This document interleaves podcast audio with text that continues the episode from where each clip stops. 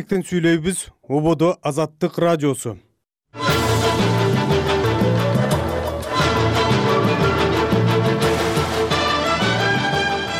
Арыбаңыз бүгүн он алтынчы январь аптанын экинчи күнү таңкы берүүлөрүбүздү угуп жатасыз. Улуттук коопсуздук боюнча мамлекеттик комитет жыйырма төрт kg маалымат агенттигине кылмыш ишин козгоп басылманын эки жетекчисин кеңсесинен алып кетти бул э, жөн жерден эмес экендигин бийликтин саясатына көз карандысыз ой пикир айткан адамдардын оозун жабуу же болбосо алардын ишмердигин жокко чыгаруу аракети жүрүп жатканын көрүп жатабыз талаштуу жалпыга маалымдоо каражаттары жөнүндө мыйзам долбоору сын пикирлерден соң жогорку кеңештин тармактык комитетинин күн тартибинен алынды. Сунушталып жаткан мыйзам долбоорунун максаты жалпыга маалымдоо чөйрөсүндөгү мыйзамдарды өркүндөтүү болуп саналат казакстанда кандуу январь окуясында каза болгон туугандарын актоону талап кылып ак ордонун алдына келген он чакты казакстандыкты полиция кармап кетти. Мына өлгөн адамга статья берди деген о заман да бу заман нече тесүүбүз эч кандай бул э, болмогон жагдай алгачкы жарым саатта мына ушул жана башка темаларга кайрылабыз. Кийинки жарым саатта бишкектеги балдар ооруканасында чарчап калган эки жашар наристенин өлүмү жана м банк электрондук капчык кызматынын тегерегинде жаралган маселелерге кайрылабыз. Андан башка да материалдарыбыз бар. Биз менен болуп туруңуз.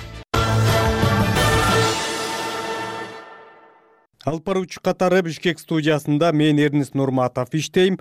Адегенде кесиптешим айгерим акылбекова дүйнөлүк жана жергиликтүү кабарларды кыскача айтып берет бишкек шаарындагы номер экинчи төрөт үйүндө эгиз бала төрөгөн келин көз жумду. Маалыматты саламаттык сактоо министрлиги азаттыкка ырастады. Министрликте медициналык жардам уюштуруу жана дары саясаты башкармалыгынын баш кадиси раиса асылбашеванын маалымдашынча жыйырма эки жаштагы келин алгачкы төрөттөн кийин көз жумган. Алгачкы маалыматтар боюнча келин төрөткө отуз төртүнчү жумасында түйүлдүктөрдүн жана өзүнүн абалы ооруп баратканы үчүн уруксат берилип киргизилген. Кесарево жасалып төрөгөн деди ал. Асылбашеванын маалыматына караганда төрөлгөн ымыркайлар аман эсен маркум келин борбор шаардын четиндеги жаңы конуштардын биринде жашаган саламаттык сактоо министрлиги кыргызстанда эки миң жыйырма үчүнчү жылдын тогуз айында жыйырма жети аял төрөттөн каза болгонун билдирген.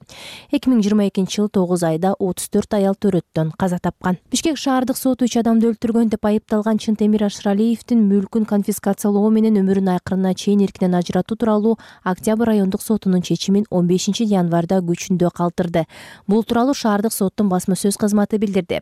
Жараянда чынтемир ашыралиев окуя болгон күнү эсинде жок экенин балдарды ал айтып жазасын жеңилдетүүнү өтүнгөн. Бишкектин октябрь райондук соту аны эки миң жыйырма үчүнчү жылы ноябрда өмүрүнүн акырына чейин абакка кескен. Судьянын чечимине ылайык ал жаза мөөнөтүн күчөтүлгөн тартиптеги абакта өтөйт. Ошондой эле жабырлануучуга алты жүз жетимиш бир миң сом төлөп берүүгө моралдык чыгым катары андан үч миллион сом өндүрүүгө милдеттендирилген. Айыпталуучунун адвокаты райондук соттун чечимине каршы аппеляциялык арыз менен бишкек шаардык сотуна кайрылган. Былтыр февралда элүү бир жаштагы алтынай канзаманова аттуу аял анын он жети жаштагы кызы менен жаштагы уулу өз үйүндө мыкаачылык менен өлтүрүлгөн. Кылмышка шектүү катары отуз алты жаштагы чынтемир ашыралиев кармалган. Ал соңку парламенттик шайлоодо баткендеги бир мандаттуу номер экинчи шайлоо округунан талапкерлигин коюп алты миңден ашык добуш алып утулуп калган.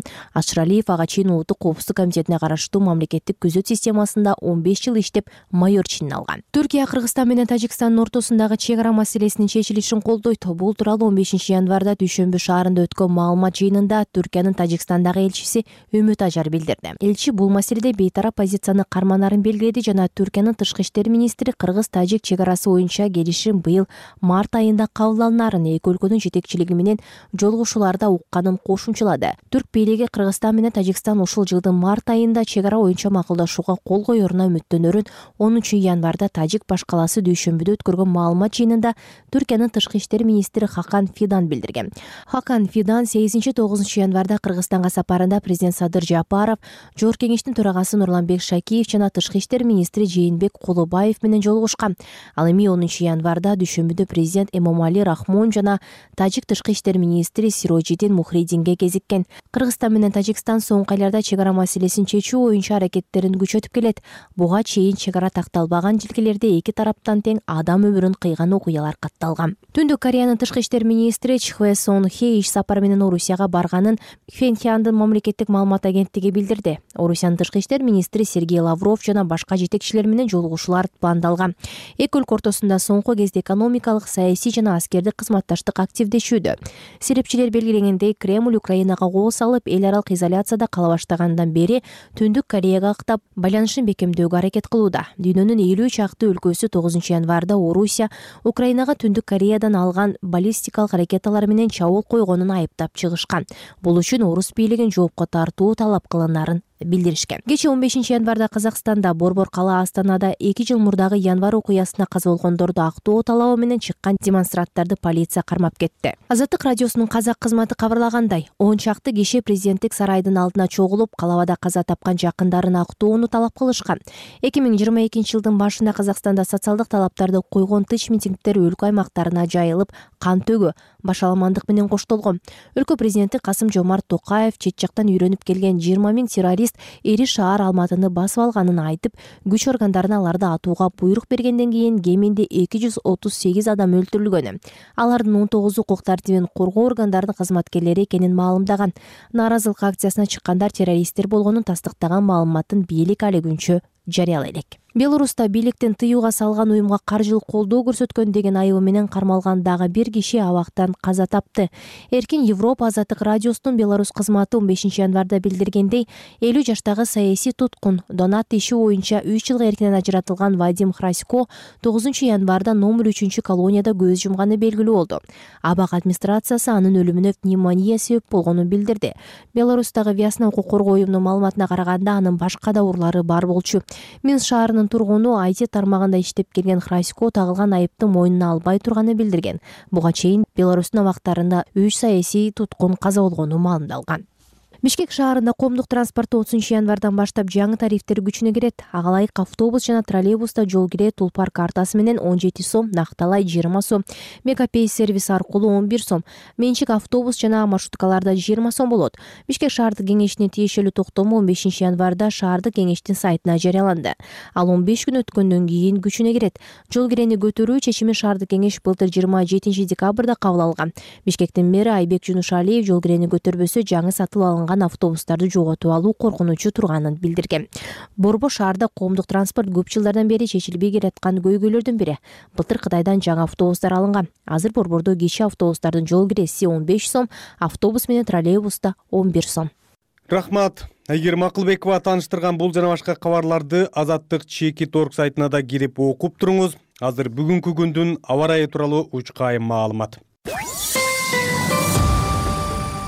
кыргыз гидромет борбору билдиргендей бүгүнү күндүз ош жалал абад баткен талас облустарынын көпчүлүк аймактарында чүй ысык көл нарын облустарынын айрым жерлеринде жаан кар жаайт жолдор тоңголок жана тайгак болот. Абанын температурасы чүй районунда минус төрт плюс бир талас чергесинде ноль минус беш баткен ош жалал абадда үч сегиз ысык көл дубанында ноль беш нарын облусунда ноль минус беш градус болот. Бишкек шаарында жаан чачын күтүлбөйт жолдор тайгак болот абанын температурасы минус бир плюс бир градус болот.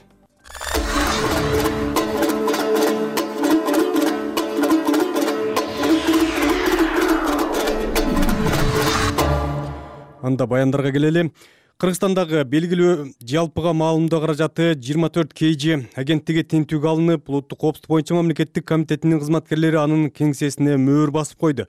Ошондой эле атайын кызмат басылманын жетекчилерин машинага салып алып кетти улуттук коопсуздук боюнча мамлекеттик комитет тинтүү согушту пропагандалоо беренеси боюнча козголгон кылмыш ишинин алкагында жүрүп жатат деген маалымат таратты. Толугураак нурболот азамат баяндайт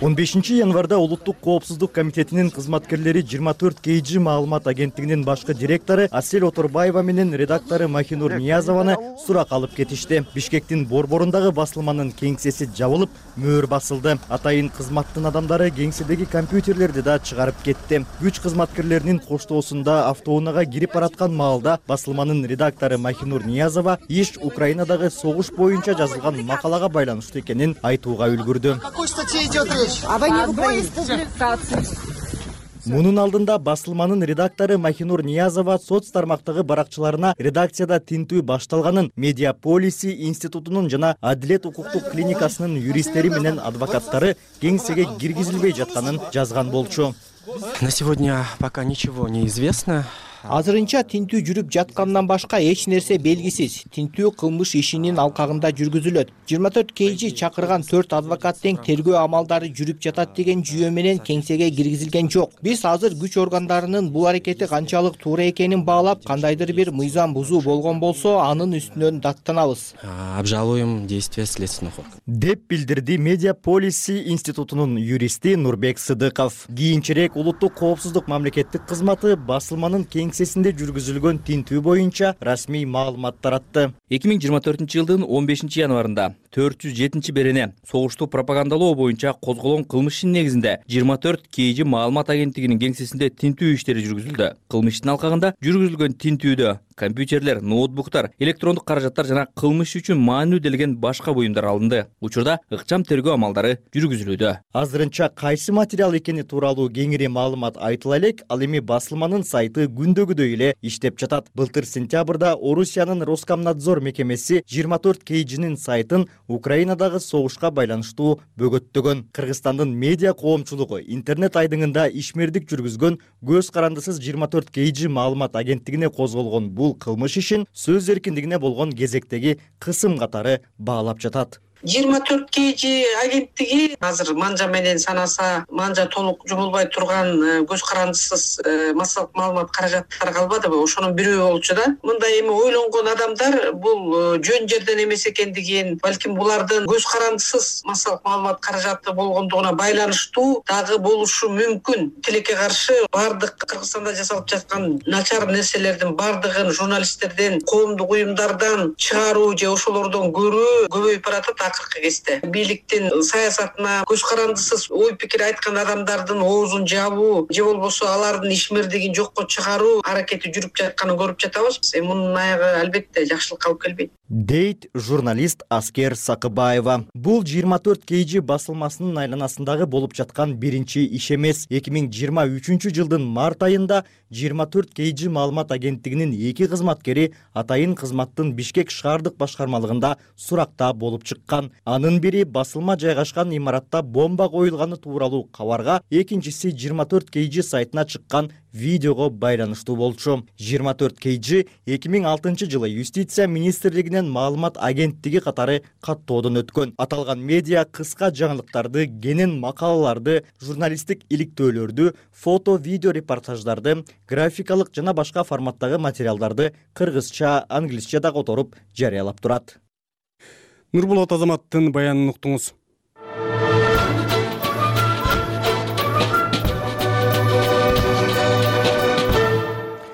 Бул арада министрлер кабинети сунуштаган жалпыга маалымдоо каражаттары жөнүндө мыйзам долбоору он бешинчи январда жогорку кеңештин эл аралык иштер коргоо коопсуздук жана миграция боюнча комитетинин күн тартибинен алынды. Айрым депутаттар анын чийкилигин айтышса кээдеleri ал сөз эркиндигине кедергисин тийгизе турганын белгилешти бул мыйзам эки миң жыйырма экинчи жылы сунушталып ошондон бери талаш тартыштарды жаратып келген. Азыр парламентке барып келген кабарчыбыз токтосун шамбетов толугураак айтып бермекчи. Массалык маалымат каражаттары жөнүндөгү мыйзам долбоору парламенттин тармактык комитеттеринин биринде талкууланды. Анда медиа өкүлдөр айрым депутаттар. Бул мыйзам долбоору кабыл алынса журналисттерге гана эмес эркин блогерлердин дагы ишине чектөө кирип калат деп сындашты. Өкмөт өкүлдөрү болсо бул мыйзамды кабыл алуу замандын талабы экенин эч кандай сөз эркиндигине басым болбойт деп ишендирип жатышат. Эгерде бир видеого тартам десе же бир өлең жаздырам десе макулдук алыш керек экен. Бул деген сөз азыркы эми анча мынча аша чапканы менен э, далай э, былгаган иштерди ачып чыгып атпайбы. Жанагы ыдырыс исаков деген жигит бар улукбек карыбек уулу деген бар жана несахар деген долбоор бар. Алар биринчиден кемчилдигин ачкерелегенде баратса бир ишканага. Алдын ала алардын аккредитациясын алыш керекпи бул бир. Экинчиден мына жерде бир ашканаңарда проблема бар экен келе эместе жүрөт тартсак болобу же болбойбу деп сурайбы кандай болот анда ооба бул жерде отуз биринчи берененин ошо беренеде ушул аккредитация маселесин э, киргизүүдөбүз эмне үчүн дегенде ушул кыргызстандын кайсы гана аймагы болобуз мамлекеттик орган болобу жергиликтүү өз алдынча башкаруу органы болобу ошол массалык маалымат каражаттарынын өкүлдөрү же болбосо массалык маалымат каражаты сөзсүз түрдө аккредитациядан өтүүгө тийиш деп ушул норманы киргизип атабыз. Эки миң жыйырма экинчи жылдан бери талкууланып келе жаткан талаштуу мыйзам парламенттин тармактык комитетинде күн тартибинен алынды башынан башкадан даярдап келсин биз колдоп берели бирок бул менен колдоп бере албайбыз. Ошондуктан күн тартибинен алуу боюнча мен сунуш берем урматтуу депутаттар урматтуу төрага. Айрым депутаттар мыйзам долбоору кабыл алынса сөз эркиндигине кедергисин тийгизип министрлик аткара албай турган жоболор менен кабыл алуу бийликке сынды күчөтөөрүн айтышты. Депутат чыңгыз айдарбеков аталган мыйзам боюнча бириккен улуттар уюму баш болгон эл аралык коомчулук тынчсыздануусун билдирип жатканын белгилеп долбоор сөз эркиндигин чектейт деп эсептейт мындай э, шашылып түрдө чечимди кабыл алып андан кийин жалпысынан кыргыз республикасынын макамы бул жагынан аброю түшөт түшүшү мүмкүн. Сиздер э, кылдат бул жагынан саясатты алып барбайсыңарбы маданият министрлиги. Мындай баарынын эме э, позициясын эске алып мындай мурду мурдун балта кеспегендей саясатты алып барбай. Бүт баары жөнгө сала албайбыз. Совет доорунда бүт баары жөнгө салууга аракет кылып эмне болду аягында жакшылыкка алып келбейт. Ошондуктан мындай э, цивилизованный рамкаларды коюп койсо болот. Баяндама жасаган министрдин орун басары чыңгыз эсенгул уулу жалпыга маалымдоо каражаттары жөнүндөгү азыр иштеп жаткан мыйзам бир миң тогуз жүз токсон экинчи жылы кабыл алынганын андан бери медиа тармагында бир топ өзгөрүүлөр болуп ал учурдагы талаптарга жооп бербей калганын айтты ошондой эле сөз эркиндигин чектөө болбой турганын кайталады сунушталып жаткан мыйзам долбоорунун максаты кыргыз республикасынын конституциясы тарабынан белгиленген жана кепилденген ар бир адамдын өз пикирин эркин билдирүүгө сөз жана басма сөз эркиндигине болгон укугун ишке ашыруу маалыматтык коопсуздукту камсыз кылуу маалыматты алуу жана жайылтуу көз карандысыз жооптуу жана атаандаштыкка жөндөмдүү жалпыга маалымдоо каражаттарын түзүүгө өбөлгө боло турган жалпыга маалымдоо чөйрөсүндөгү мыйзамдарды өркүндөтүү болуп саналат. Комитет жыйынына медиа өкүлдөрү дагы келген. Алар президент садыр жапаров документти иштеп чыгуу үчүн эки миң жыйырма экинчи жылы декабрда жумушчу топ түзгөнү менен анын курамындагы медиа өкүлчүлүктүн пикирлери эске алынбай калганын белгиледи. Журналист кайргүл урунканова долбоордогу кайсы бир медиага сүйлөгөн кишинин сөзү үчүн журналисттер жоопкер болуп кала турган жоболорду сындады. Өзүбүз айта албайбыз. Жана бизге конокко чакырылган адамдарга да биз сөз бере албайбыз. Анткени ар бир сөз үчүн айрыкча ушу түз эфирде айтылган сөз үчүн журналисттер жооп берип калышы мүмкүн эгерде э, бир жолу эфирге берип коюп анан предупреждение алгандан кийин экинчи күнү ал журналист ошол адамга э, интервьюга э, мүмкүнчүлүк бербейт. Бул цензура. Элүү беш беренеден турган мыйзам долбоорунда жалпыга маалымдоо каражаттарын каттоо жана ишмердигин жүргүзүү журналисттердин милдети жана укугу каралган. Негизгилери өлкөдөгү баардык сайттар милдеттүү түрдө каттоодон өтүшү керек. Жалпыга маалымдоо каражаттарын каттоо алардын ишин токтотуу укугун мамлекеттик органдарга берүү сөз эркиндигин кыянаттык менен пайдаланууну аныктоо. Журналисттерди аккредитациядан өткөрүү сыяктуу жоболор бар. Документке анализ кылган журналист юристтер эркин медиаларды каттабай коюу. Соттун чечими жок эле. Жалпыга маалымдоо каражаттарынын ишин токтотуу сөз эркиндигин кыянаттык менен пайдалануу деген сыяктуу жобону бийлик сын айткан медиаларга каршы пайдаланышы мүмкүн деп тынчсызданып жатышат. Эл аралык уюмдар бийликтен жалпыга маалымдоо каражаттары жөнүндөгү мыйзамда тараптардын пикири эске алынышы керек экенин айтып бир нече жолу билдирүү тараткан. Кыргыз бийлиги өлкөдө сөз эркиндиги бар экенин жана аны коргой турганын кайталап келет. Токтосун шамбетов давран игембердиев азаттык. Азыр ушул эле темадагы маекти э, уктуралы министрлер кабинети сунуштаган жалпыга маалымдоо каражаттары жөнүндө мыйзам долбоору жыйырма төрт kg маалымат агенттигинин ишинин фонунда парламентке келип түштү анда журналисттин жоопкерчилиги менен катар эксперттердин баасы боюнча сөз эркиндигин жана маалымат каражаттарынын ишин чектеген бир катар беренелер бар. Ушул жана башка маселелер боюнча бүгүн тандем юристтер бирлигинин жетекчиси таттыбүбү эргешбаева менен маектешкенбиз интервьюну кубат отурбаев алды саламатсызбы келгениңизге чоң рахмат. Э, азыр айтылып өткөндөй жогорку кеңешке массалык маалымат каражаттары жөнүндө мыйзам долбоору келип түшүптүр. Ушул мыйзам э, акыркы эки үч жылда көп талкууланып атат. Ошол мыйзамдын эмне э, артыкчылыктары анан эмне кемчилиги бар анан бизге эми ошо жалпы медиага кандай таасири тийиши мүмкүн эгер мыйзам кабыл алынып калса?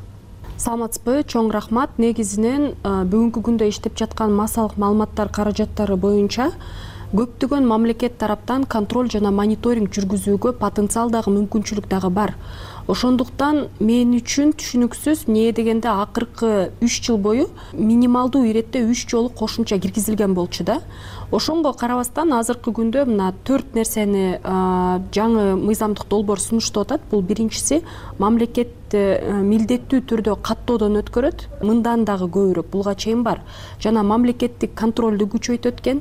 Үчүнчү ирет журналисттик ишмердүүлүккө чектөөлөрдү көптөгөн киргизет экен жана ошо ыктыярдуу пайдалануу мүмкүнчүлүктөрү дагы кыскарылат экен да. Ошо менен башкача айтканда көз карандысыз мамлекетке түздөн түз баш ийбей жана мамлекеттик бюджеттен каржылоо албаган массалык маалыматтар каражаттар организацияларына же журналисттерге карата көптөгөн чектөөлөр киргизилип бир гана ошо бийлик же президенттик администрация кандай позицияда турса ошондой позицияны транслировать эткен гана массалык маалымат каражаттары гана активдүү мамлекетке жагымдуу позицияны көрсөткөндөр гана чөйрөдө болуп калгандарына мүмкүнчүлүктөр чектелип калат деген бир чоң тобокелчилик турат. Мындан тышкары дагы бир э, катар мыйзамдар демилгеленбедиби өзгөчө мына чет өлкөлүк өкүл жөнүндө мыйзам долбоору депутат надира нарматованын демилгеси менен кайрадан сунушталып атат. Э, ушул мыйзамдын тагдыры эмне болуп атат? Ал кандай абалда азыр? Негизи бейөкмөт уюмдары боюнча бүгүнкү кезде жогорку кеңеште биринчи окуудан өтүп экинчи окууга комитеттерге кире элек бул ошо бейөкмөт уюмдар э, боюнча мыйзамга жана кылмыш кодексине кошумчаларды киргизүү боюнча. Ошол жерде эң эле кооптуу норма бул э, кимдир ким бейөкмөт уюмдарында саясий ишмердүүлүк жүргүзсө биз аларга чет өлкөлүк өкүл деген норманы беребиз деп атат. Экинчиси он жылга камайбыз деп атат да. Эми бул өтө адамдар укугуна дагы конституциянын нормаларына дагы дал келбеген өзгөчө терс натыйжасын көрсөтө турган концепт ошонго карабастан жогорку кеңеш биринчи окууда жактырды. Эми экинчи нормасында он жылдык жоопкерчиликти алып бирок чет өлкөлүк өкүл деген статусту сактап ошондой өзгөчө ростр чыгарсакпы деп атат да бирок мен бул жерде мамлекетке дагы буга чейин дагы көп айтып кеткем. Эң алгачкысы биз түшүнүшүбүз керек кыргыз республикасы өнүгүп келип аткан өлкө жана кыргыз республикасы көптөгөн чет өлкөлүк финансылык мекемелерден акчалай жардамдарды алышат ар бир жыл ошондуктан биз өтө мындай этияттык менен жарандык коомго дагы мамлекеттин позициясына дагы мамиле кылып чет өлкөлүк деген статуска э, жол бербешибиз керек эле негизичи? Негизи э, мындай деген талаштуу пикир айтылып келатпайбы ошол чет өлкөдөн же чет өлкөлүк эл аралык уюмдардан каржыланып аткан бейөкмөт уюмдар өздөрүнүн финансылык отчеттуулугун мамлекеттик органдарга көргөзбөйт элге көргөзбөйт деген ушул канчалык э, чындыгы бар ушунун? Бул туура эмес маалымат. Мен жалпысынан угуп калдым. Президент э, ошо курултай учурунда эки миң жыйырма үчтүн акырында айтып койду мен ошонго түздөн түз опровержение бергем. Эмне дегенде бүгүнкү күндө бейөкмөт уюмдар отчетту салык кызматына берет жабык иретинде социалдык э, фондко берет статистикалык комитетке берет. Андан сырткары ачык иретинде ар бир жарандын мүмкүнчүлүгү бар. Салык кызматынын расмий сайтына кирип ошол жерден э, ким канча акчаны э, иштетет жана кандай багытта иштетет ошолорду көрүүгө толугу менен мүмкүнчүлүгү бар. Эмнегедир орусияда кандай практика жүрсө бүгүнкү күндө кыргызстанга дагы ошол копирайтинг болуп келип атат. Бирок орусиянын саясий социалдык абалы башка а биздики өтө башка. Бирок ушунга окшогон жарандык коомчулукту жарандык мейкиндикти кыскартуу боюнча чыгарылган мыйзамдык механизмдер бүгүн эмес. Бирок үч жыл беш жылдын иретинде көптөгөн эл аралык келишимдерден биздин мамлекетти алыстатып коюшу мүмкүн деген коркунучтар турат да. Эмнеге дегенде биз эл аралык укуктук милдеттерди толугу менен аткарбай калып атабыз а ошонун артынан биз рейтингтерден төмөндөп кредиттик гранттык жана башка мүмкүнчүлүктөр бизге карата азайып калышы мүмкүн деген коркунуч турат ушунун артынан. Маегибиздин аягында жыйырма төрт kg агенттигине байланыштуу да окуялар болуп атат. Мындан тышкары мынабу социалдык тармакта өзүнүн пикирин айткан айрым адамдар улам улам суракка чакырылып э, айрымдары камалып да жатат да. Мына ушул тенденциялар кандай каяка алып барышы мүмкүн деген ойдосуз бул ушу мен үчүн бүгүнкү күндө эч түшүнүксүз болуп атат мына бүгүн ушул жума жогорку кеңеште жалпысынан ошо массалык маалыматтар каражаттары боюнча комитеттерде каралат да мыйзамдарчы бүгүнкү күндө э, жыйырма төрт kgге карата ушундай басмырлоо болуп атат да. Э, эмнегедир ушул обыска эмнеге келишет? Повестка жүргүзүп повестканы карашып анан ошол берененин негизинде обыск жүргүзсө болушмак да. А бирок кайсы э, берене менен ачылды? Эмне негизде бүгүнкү күндө мен үчүн да түшүнүксүз болуп атат да? ошон үчүн бул өтө мындай тобокелчилик көп жараткан жагдайлар бул негизи. Бүгүнкү күндө президенттик администрациянын ыйгарым укуктары көп болуп күч куралдар блогунун күчөйүп сот системасынын алсыздыгынын айынан болуп аткан маселе да. Ошондуктан мен президентти чакырып кетет элем. Күч куралдар блогунун иштеп аткан ишмердүүлүгүнүн үстүнөн көбүрөөк көзөмөл жүргүзүп сот системасына көбүрөөк иштөөгө адилеттүүлүктү орнотууга мүмкүнчүлүктөрдү берсин дегенчи ошону өзүнүн жеке көзөмөлүнө алса жакшы болмок эле. Рахмат сизге. Биздин маектешибиз тандем юристтер бирлигинин жетекчиси таттыбү эргешбаева болду. Маекти мен кубат оторбаев алып бардым саламатта калыңыздар. Ушул эле маектин кененирээк видео версиясын биздин сайтыбыздан жана youtube каналыбыздан көрө аласыз маданий жана адабий руханий жана тарыхый маектер. Азаттык радиосунун сыябан түрмөгүндө. Сыябан түрмөгүндө. Үмүттөнө берем да. Кайра кыргыз керемети жаралат го.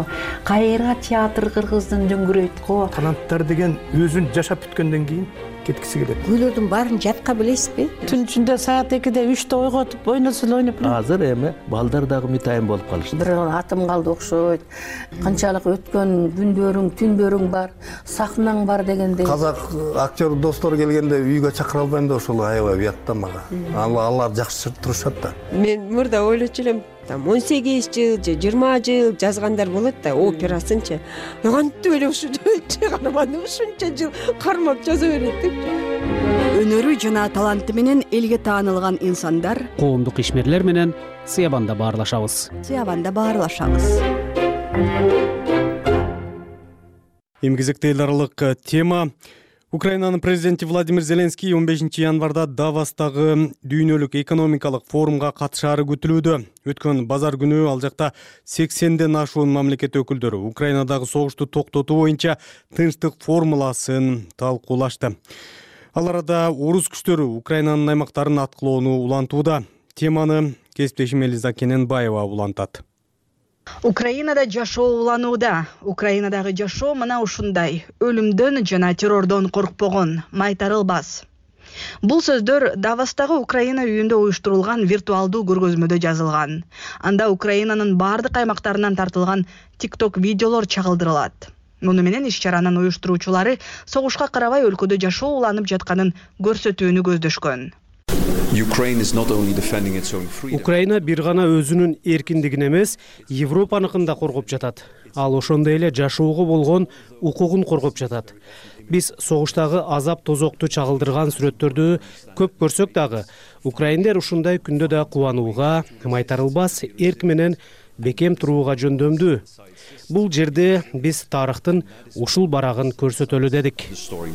Дейт көргөзмөнүн уюштуруучусу берн гельтхоф эки жылдан бери украина эли өз эркин көрсөтүп жатканын украинанын президентинин администрация жетекчиси андрей ермак дагы давостогу жыйында белгилеп өттү. Сексенден ашуун мамлекеттин жана эл аралык уюмдун өкүлдөрү катышкан иш чарада тынчтык формуласы талкууланды. Мындай форматтагы жолугушуу ушуну менен төртүнчү ирет өттү. Ага бир гана киевдин өнөктөштөрү эмес согушка карата нейтралдуу позицияны карманган өлкөлөр дагы катышты. Орусия бул ирет дагы сүйлөшүүгө чакырылган жок.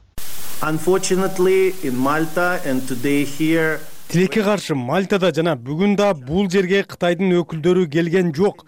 Биз аларды чакырганбыз дагы чакырабыз. Бул биз үчүн маанилүү жыйын жана келечекте ага кытай да катышат деген үмүттөбүз. Деди украин президентинин кеңсе жетекчиси андрей ермак. Киевдин өкүлү ошондой эле украина эч качан жаңжалды убактылуу токтотуп коюуга макул болбостугун жана андай сунуш кабыл алынгыс экенин кошумчалады. Кремль орусия жыйынга катышпагандан кийин андан майнап чыкпастыгын билдирди. Давостогу жыйында украин президенти сунуштаган тынчтык формуласынын беш баскычы талкууланды.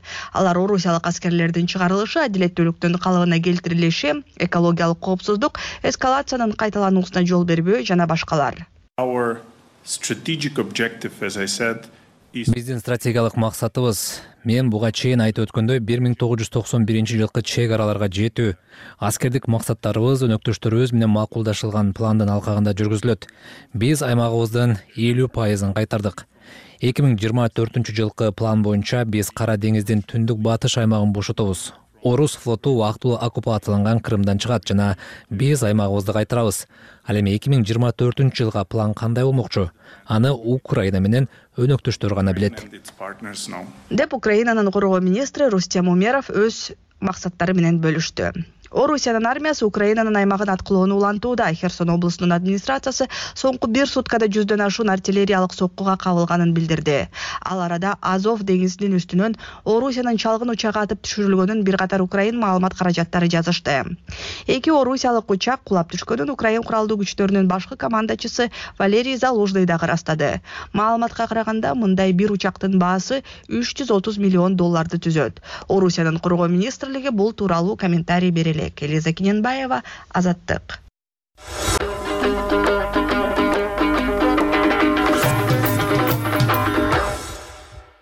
кечээ биринчи күнү кандуу январь окуясында каза болгон туугандарын актоону талап кылып ак ордонун алдына келген он чакты казакстандыкты полиция кармап кетти алар президент касым жомарт токаев менен бетме бет көрүшүүнү каалап адилеттүүлүк издеп келишкенин айтышкан.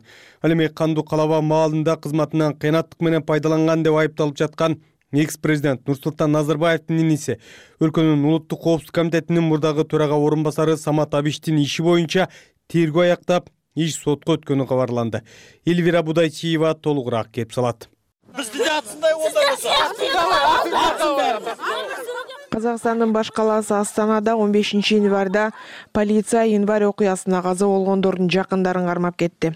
Алар кычыраган кышта ак ордонун алдына барып эки миң жыйырма экинчи жылы кандуу калаба учурунда окко учкан жакындарын толук актап бешинчи январьды аза күтүү күнү деп жарыялоону талап кылышты.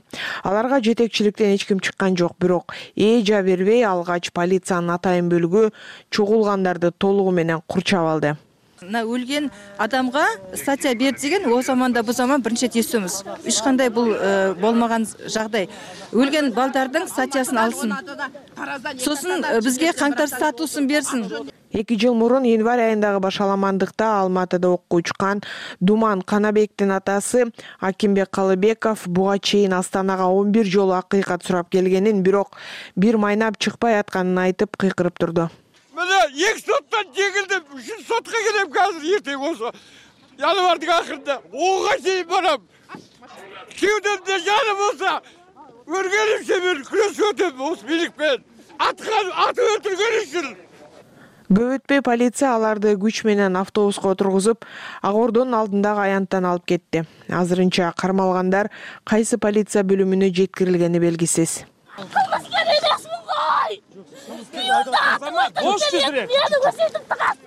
кандуу калабада каза болгондордун жакындары буга чейин тараз кызыл орда алматы жана талдык коргон шаарларынан астанага келип акыйкаттык издегенин азаттыктын казак кызматы утур утуру кабарлап келет бирок анда бийлик ар кандай убадаларды берип кетирген. Ал тапта январь окуялары маалында кызматынан кыянаттык менен пайдаланган деп айыпталып жаткан экс президент нурсултан назарбаевдин иниси өлкөнүн улуттук коопсуздук комитетинин мурдагы төрага орун басары самат абиштин иши боюнча тергөө аяктап иш сотко өткөнү мамлекеттик казинформ агенттиги өлкөнүн башкы прокуратурасынын сотко чейинки тергөө кызматына шилтеме кылып кабарлады. Мекеменин билдирүүсүнө самат абиш кызматтык ыйгарым укуктарынан ашкере пайдалануу менен оор кесепеттерге алып келүү беренеси боюнча шектелип жатканы жазылган. Ага белгилүү бир аймактан чыкпоо бөгөт чарасы белгиленип учурда казакстанда экени кабарланды самат абиш январь окуяларынан кийин коопсуздук комитетинин башчысынын орун басарлыгынан бошотулган. Эки миң жыйырма экинчи жылдын июнь айында башкы прокуратуранын өкүлдөрү абиш тергөөнүн көз кырында экенин билдирген. Көп өтпөй абиш карим асимов жана башкалардын иши боюнча күбө катары суракка чакырылганы маалым болгон. Соңку ирет абиш былтыр сентябрда назарбаевдин дагы бир иниси кайрат сатыбалдынын сотунда коомчулукка көрүнгөн кошуна өлкөдө суюлтулган газдын кескин кымбатташына байланыштуу тынчтык митингдер эки миң жыйырма үчүнчү жылы экинчи январда башталып кийин өлкөнүн башка аймактарына жайылып кан төгүү башаламандык менен коштолгон. Расмий маалыматка караганда тополоңдо кеминде эки жүз отуз сегиз киши көз жумган алардын алтоо кармалгандан кийинки кыйноолордон көз жумган. Бир нече киши кармалып жүздөгөнү ыдык көргөнүнө арызданган. Бирок андай фактыларга байланыштуу козголгон кылмыш иштердин көбү токтотулган. Элвира будайчиева азаттык азаттык радиосунун эркиндик үнү подкасты ой жана сөз эркиндиги саясий укуктар жарандык коомдун орду жана салмагы мамлекеттик түзүлүш жана мыйзам үстөмдүгү тууралуу кызыктуу талкуу маектер. Подкастты apple google spotify аянтчаларынан жана азаттык орг сайтынан угуңуз. Эркиндик үнү эркиндик үнү бишкектеги балдар ооруканасында чарчап калган эки жашар наристенин өлүмү боюнча кылмыш иши козголду. Дене табы көтөрүлүп дем ала албай келген наристе ооруканада он үчүнчү январда чарчап калган. Анын ата энеси дарыгерлерди күнөөлөп укук коргоо органдарына кайрылган. Оорукананын башкы дарыгери медиктер бекитилген протоколдун негизинде иш алып барганын белгилеп жатат. Темага кеңири кундуз кызылжарова кайрылат алихан кубатбеков он үчүнчү январда бишкектеги номер үчүнчү балдар ооруканасында чарчап калды. Ата энеси наристени ал дем ала албай дене табы көтөрүлгөнүнөн улам дарыгерлерге алып келгенин айтууда. Ооруканага келгенден кийинки эки саатта адистер бала чарчап калды деген оор кабарды жакындарына угузган ошо грипп да болгон эмес ушубака чейин э, ошо бир күндө эле кышылдап кичине дем ала албай дем жетпей атканынан скорый чакырдым. Скорый келген жок. Срочно такси менен баламды алып келдим. Эки жарымда келип беш жарымда баламды жоготуп өлдү деген эмени кабарды угуп ошол жерде ыйлап отурдум алихан кубатбековдун дем алуусу начарлаганын апасы кайыргүл темирхан кызы он үчүнчү январда эртең менен ондордо байкаганын айтууда. Ал дене табын түшүргөн дары берип бала бир саатка чукулуктаган. Бирок ойгонгон кезде анын абалы оорлоп көкүрөгү бошой албай жатканын көргөнүн айтууда эне. Алихандын ата энеси бейтапканада дарыгерлер баланы тиешелүү деңгээлде караган жок деген ойдо алар бул окуяга катыштыгы бар адистерди жазага тартууну суранып тергөөнү акыйкат жүргүзүү керектигин белгилеп жатат. Келип а кислороддо отурасыңарбы деп чыгып кетти. Ошол бойдон врач келген жок ал. Чакырып келди дагы врач келип айтты. Отуруп турула скорый чакырдык силерди башка больницага алып барабыз деди. Диагноз диагноз эмнеге алып барат эмне үчүн алып барат эчтеке айткан жок. Ошо реанимациядагы врачтар менин колуман алып атканда балам мени карап үч жолу айтты да. Пап пап деп үч жолу айтты ошо менен реанимацияга алып кирип кетти баламды. Приемный блокто эки саат отурдум. Кислороддо эки саат. Эки саатта деген тяжелый операцияны жасап бүтүрүп коет. Булар эч кандай действие кылышкан жок. Биринчи жардамды көрсөттү болду. Ошол бойдон кабинетте балам экөөбүз эле отурдук. Бүт видеосу бар. Чуркап ойноп жүргөн эки эки жашта бою кичинекей бала өзү. Өзү тыпылыңдаган бала болчу. Бир жерге жаны тынтип бир жөнү отурчу эмес. Ошо келдик бир жолу ооруп келдик. больницага. Ошондон эле больницадан чыкпай калдык деп айтты алихан кубатбековдун атасы алмазбек мырзакалиев.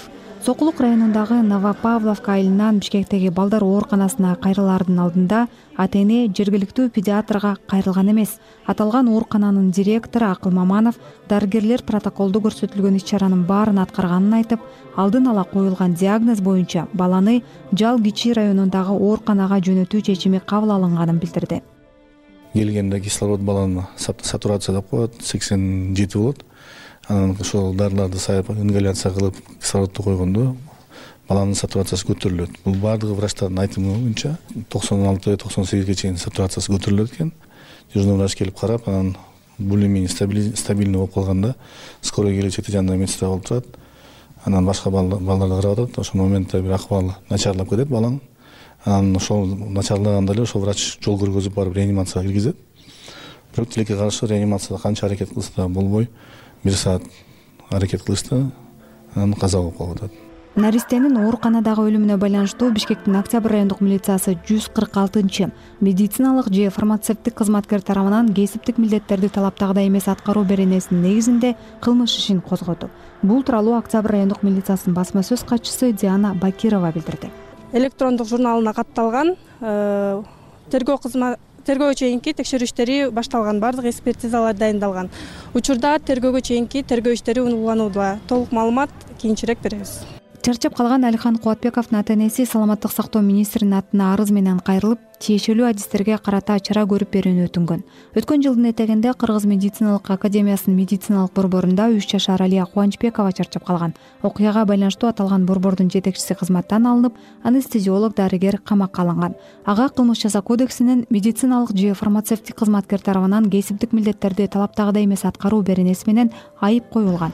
Коомчулукта дарыгерлердин ишине нааразы болгондор утур утур бийлик башындагыларга кайрылуу жасап келет. Алар көбүнө эсе бул тармактагы адистердин ишиндеги шалаакылыкка даттанат. Кундуз кызылжарова нурлан бейшебаев азаттык бишкек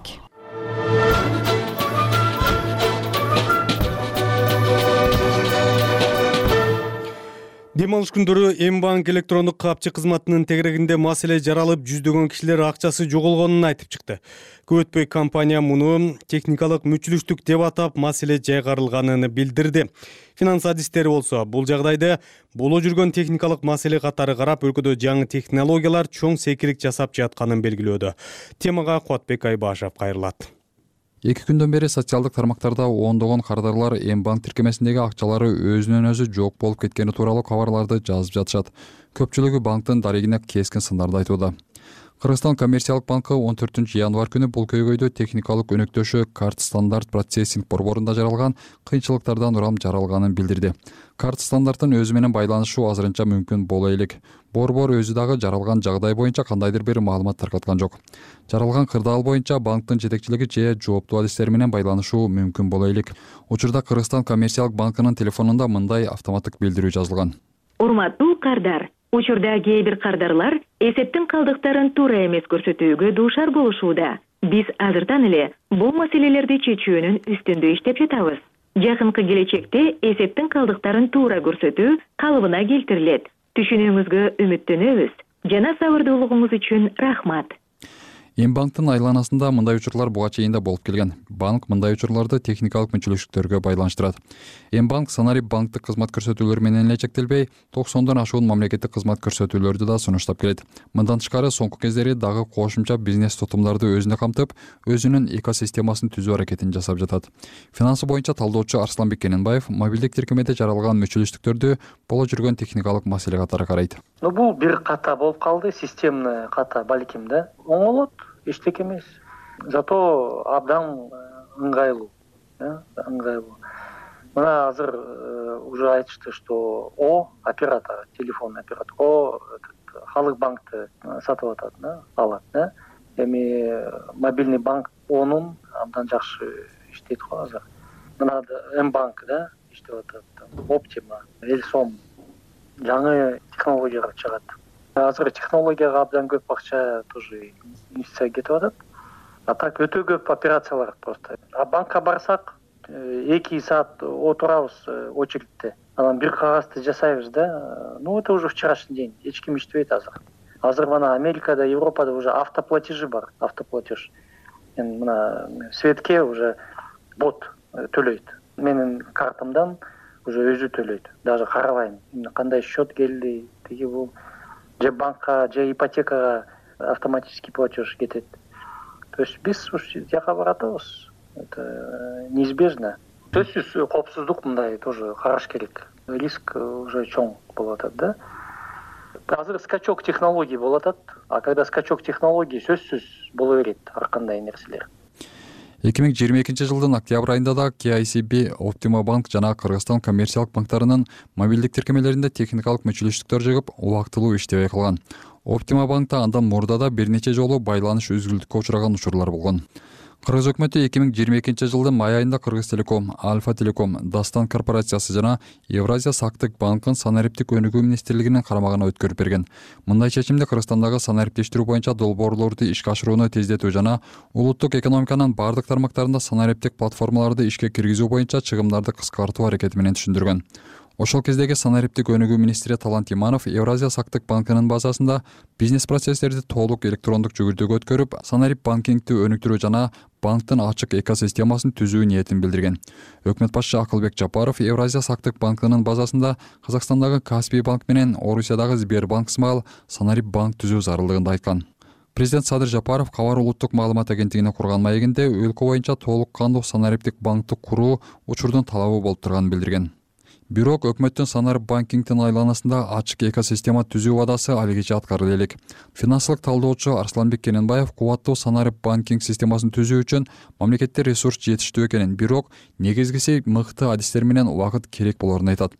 Ошол эле маалда рынокто куурча тандаштык жүрүп турганда аны ким иштетет деген маселе башкы планга чыгаарын эскертет. Каспий банк бул жаңы технология. Ну жана менин оюмча баары административный ресурс болчу. Жардам берди то есть алар торговый платформа жасап коюшту. То есть алар банк э, борбор кылып э, жанында уже торговля услуги бүт баарына вот каспий аркылуу э, платеждор иштеп атышат как бы экосистеманы жасап коюшту. Потому что азыр ушул заманда конкуренция башка болуп калды. Это уже конкуренция не предприятий не продуктов а конкуренция экосистем деп атышат. Экосистема.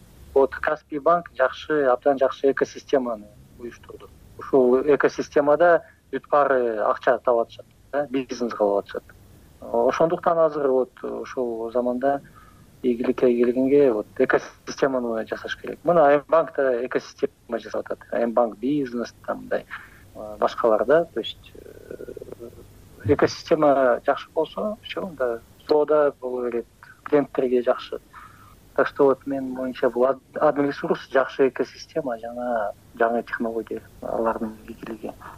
Кыргызстанда жалпысынан жыйырма үч коммерциялык банк иштейт. Алардын өлкө боюнча үч жүз жыйырма филиалы бар.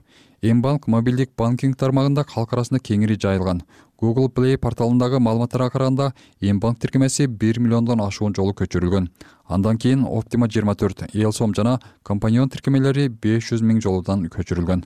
Кубатбек айбашев азаттык эксперттер талдайт эксперттер талдайт күн темасына чыккан таалуулуу маселелерди түз эфирде талкуулайбыз. Чын айтканда адилеттүүлүк деген бул адамдын үмүтү. Урматтуулар саясатты көчөгө ташыбайлы мен бул концепцияга өтө каршымын. Саясат экономика укук. Э, элдин кыжыгына тийип аткан депутаттары асмандан түшкөн жок. Аны эл аны шайлаган да. Бул дейт бийликти басып алам деди дейт. Кайсы бийликти басып алат? Чийинки конституция деп сиздин айткан кандай укугуңуз бар? Муну эл кабыл албады референдум. Улуттук элита эң төмөнкү баскычка түшүп калды. Биз ошол улуттук элитаны интеллигенцияны кайра жандандырышыбыз керек. Эл аралык мамиле жарандык коом сөз эркиндиги эркин медиаларды жабуу жарандык коомду чүнчүтүү улам сот улам түрмө азыркы өнүккөн заманда бул мүмкүн эмес. Мунун баардыгы баягы сөз эркиндигин өлчөгөн кайсы бир индекстерге түшөт?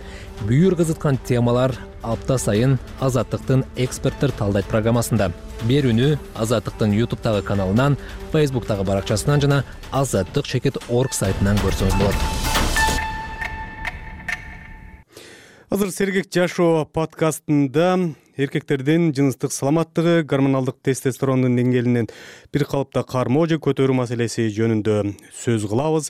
Азыр анын кыскартылган радио версиясын сунуштайбыз. Сергек жашоо. Подкаст сергек жашоо подкастынын кезектеги чыгарылышына куш келипсиңер бүгүн биз эркектердин саламаттыгына байланыштуу актуалдуу маселеге токтолобуз. Менин аты жөнүм санжар эралиев жана конокторум белгилүү уролог сексолог адистер нурбек моңолов менен мирлан айбашев. Эки миң жыйырма үчүнчү жылдын аягында тестостерон деклайн деген портал дүйнөдөгү эркектердин тестостерон деңгээлинин рейтингин жарыялаган. Анда сексен алты мамлекет индекске жайгаштырылып эң жогорку көрсөткүчтө өзбекстандык эркектер андан кийин камерундун мырзалары үчүнчү орунда азербайжандыктар турат. Ал эми кыргызстан ортодон төмөн көрсөткүчтө тагыраагы алтымышынчы орундардан ылдыйда жайгашыптыр. Казакстан болсо дээрлик акыркы позицияларда турат.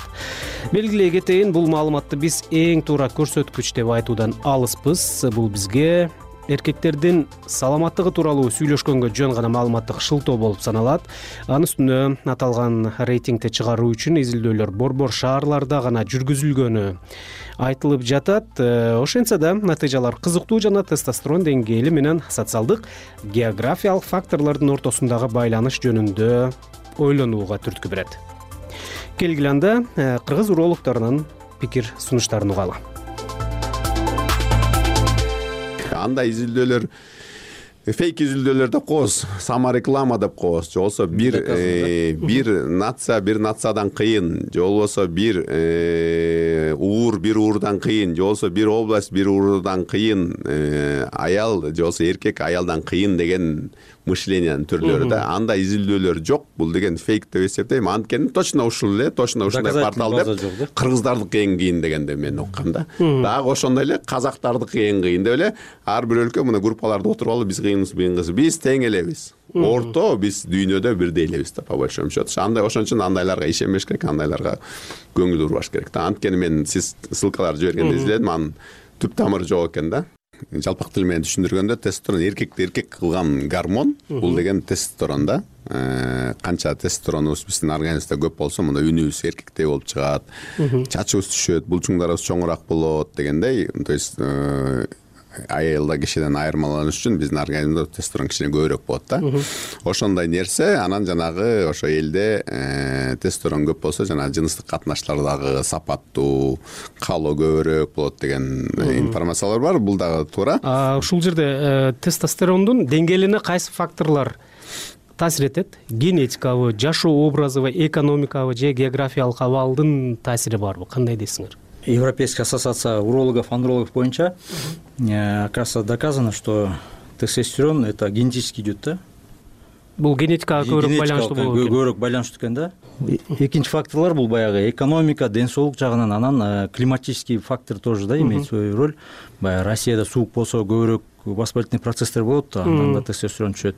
Жылуу э, жылуу өлкөлөрдө болсо Э, тестостерон көп түшпөйт. Тестостерон деген бул деген э, индивидуальный темпераментке көз каранду да. То есть искусственно биз өзүбүздүн э, тестостеронубузду көп же аз кыла албайбыз да. Мен дагы ушундай деп ойлойм бул индивидуально то есть өзүңдүкү өзү болот. Андан ашып жанагы телевизордо кинодо туура албайбыз өзүбүздүн өзүбүздүн деңгээли болот да. Анан мирлан мырза дагы айтып кетти андан калган нерселер да башка нерселерге. Бул образ жизни да. Эми ар бир өлкөлөр жөнүндө айтып кетпедиби ар бир өлкөнүн өзүнүн культуральный образ жизниси тамагы дегендей өзгөчө бар. Кыргызстанда эркектер тестостерондун деңгээли боюнча урологдорго көп кайрылабы? Силердин тажрыйбада мындай бөлүшө турган бир кызыктуу учурлар же байкоолор барбы албетте бар. Тестостерондун баягы клиникалык симптомдору бул баягы эректильная дисфункция деп коет да мындайча айтканда импотенция деп турат тестостерон түшүп кетсе сразу же эркектерге ошол сигнал берет да. Э, баягы жакшы кумар албай калдык э, жакшы өзүбүздү ала албай калдык э, жатканда деп. Ошондо баягы тестостерондорун жана башка гормондорун пролактин лгфсг деген эстрадиол деген гормондорун текшерип келгенде обязательно пролактин көтөрүлүп же тестостерон түшүп кетет же болбосо дагы дополнительный факторлор болсо например как э, врожденный да э, гипоганадизм же болбосо приобретенный гипоганадизм функциональный или же органического происхождения функциональный бул баягы психологический фактор ожирение болгондо. Органический болсо бул баягы э, өзүнүн жумурткасы иштебегенде баягы клетка лейдиге иштебей калганда ошондо да түшөт да. Ошол органический фактор да кыргызстанда эркектердин жыныстык саламаттыгынын жалпы көрсөткүчүн кандай бааласа болот? Тестостерон деңгээлин аныктаганда эмнеге көңүл буруу керек? Тест тапшыруу үчүн кайсыл учур маанилүү адисттердин бул боюнча алдыда айтып берчү кеп кеңештери сизге жаңылык болушу да ыктымал. Бул сергек жашоо подкасты аты жөнүм санжар эралиев конокторум уролог сексолог адистер нурбек моңголов жана мирлан айбашев мындай болуп атат да. Азыр деген э, мага да көп кайрылышат. Менин тестостеронум кичинекей. Эмнеге даттанып атасың да даттануу деле жок могу цифраны көрүп алат да анализ өзүлөрү тапшырып. Анан ой могу тестостеронум эми примерно интернеттен көрүп алган да мунун норма чегине жакын экен норма чегинен алыс экен ылдый экен депчи. Анткени ошо жыныстык проблемалар болобу. Анан спорт дагы чоң ролду ойноп атат. Жанагы качаться деп кеткен фитнескө болуп кетпеби анан ошол жакта тренерлер гормондорду колдонот да ал үчүн ошо тестостерондорду тапшырышат. Анан ошо цифраларды көрүп алып эле көйгөй кылып алып эле келе беришет да. Ошон үчүн азыр айтып кетем мага келген пациенттерге силер могу цифраларга көңүл бурбагыла бул цифра тестостерондун өйдө же төмөнү эчтеке айтылбайт. Анткени тестостерон циркадный ритми деп коет. Саатка көз карандуу да.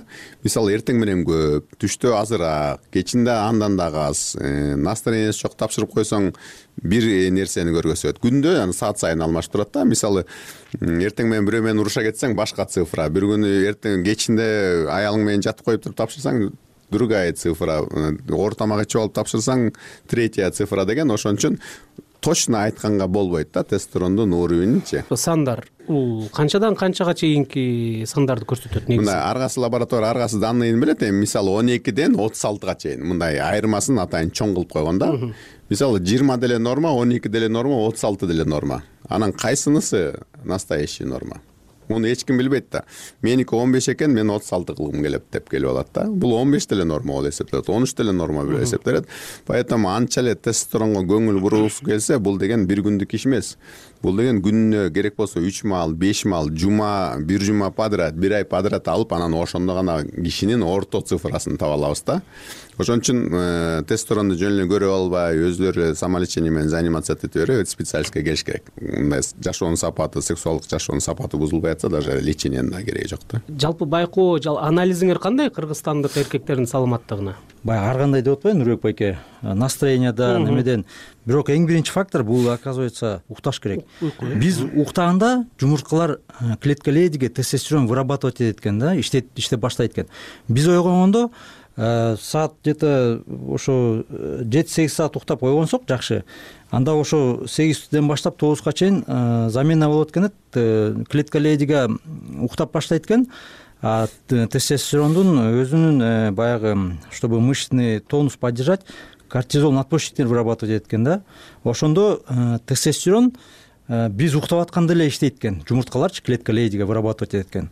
А например жумушубуз э, караңгыда болуп анан барып тест сдавать этсек же болбосо жакшы уйкуда уктай албай уйкудан калып калсак анда тестостерон ылдый көрүзөт экен ошол да аябай чоң ролду ойнойт экен да. Анан көп баягы эркектер э, караңгыда иштейт дежурствода болот. Кечинде иштейт. Ошолордуку тестостерон аябай ылдый экен да. Анан баягы алы кетип чарчап эле недомогание болуп атпайбы ошондон да болот экен да. Анан цикл сна деп коет өзү полезный сон саат он бирден үч төрткө чейин экен ошол убакта уктаса тестостерон жакшы көтөрүлөт экен. Ал убакта уктабаса кеч же эрте жатып алса тоже эрте туруп алса болбойт экен да. А если силер цикл сна нарушите например кээде э, будильник эртең менен чыңырганда биз будильникти өчүрүп коюп бир он мүнөт жатып турайын деп жатып калабыз го. Анан кайта он мүнөттөн кийин кайта будильник чыңырат кайта өчүрүп коюп кайта жатып калабыз беш мүнөт он мүнөт уктап алайлы деп. Ошондо биз баягы цикл сна бузулганда ошол аябай катуу таасир этет экен да тестостеронгочу потому что биз баягы бир жарым сааттык циклнын биз он мүнөтүн жыйырма мүнөтүн эле уктап калып атабыз алып алыпчы и ошондон недомогание башталат экен да.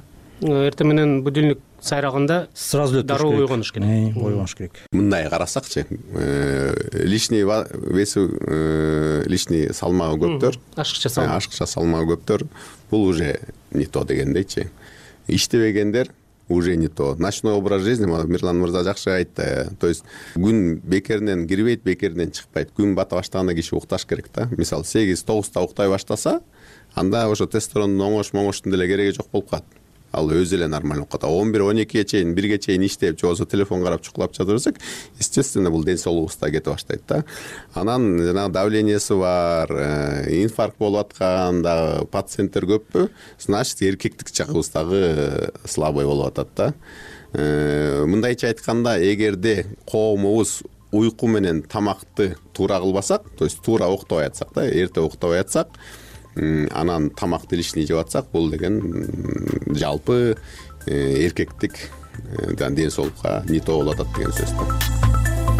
Эркектердин саламаттыгы тууралуу кызыктуу баарлашуу үчүн сиздерге рахмат. Уролог сексолог адистер мирлан айбашев менен нурбек моңолов айтып берген маалыматтар жана кеңештер угармандар үчүн кызыктуу жана пайдалуу болду деп ишенебиз ден соолугуңузга кам көрүү жашооңуздун сапатына инвестиция экенин унутпаңыз. Эгерде сизде суроолор болсо же бул тема боюнча көбүрөөк билгиңиз келсе дарыгерге баруудан тартынбаңыз.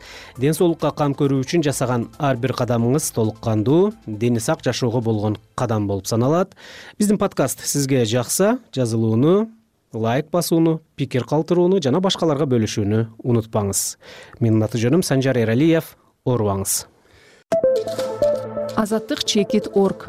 Окуңуз угуңуз жана көрүңүз. Азаттык чекит орг.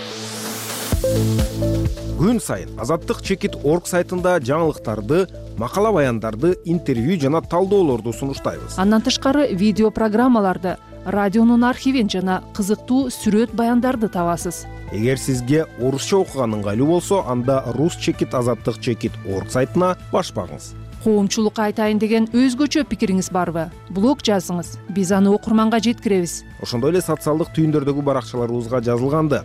Башкаларга бөлүшкөндү унутпаңыз. Кыргызстандагы жана дүйнөдөгү окуяларга биз менен бирге назар салыңыз. Окуңуз угуңуз жана көрүңүз. Азаттык чекит орг ушуну менен азаттык радиосунун кезектеги жарым сааттык берүүсү соңуна чыкты. Эфирди бишкек студиясынан мен эрнис нурматов алып бардым. Саламатта калыңыз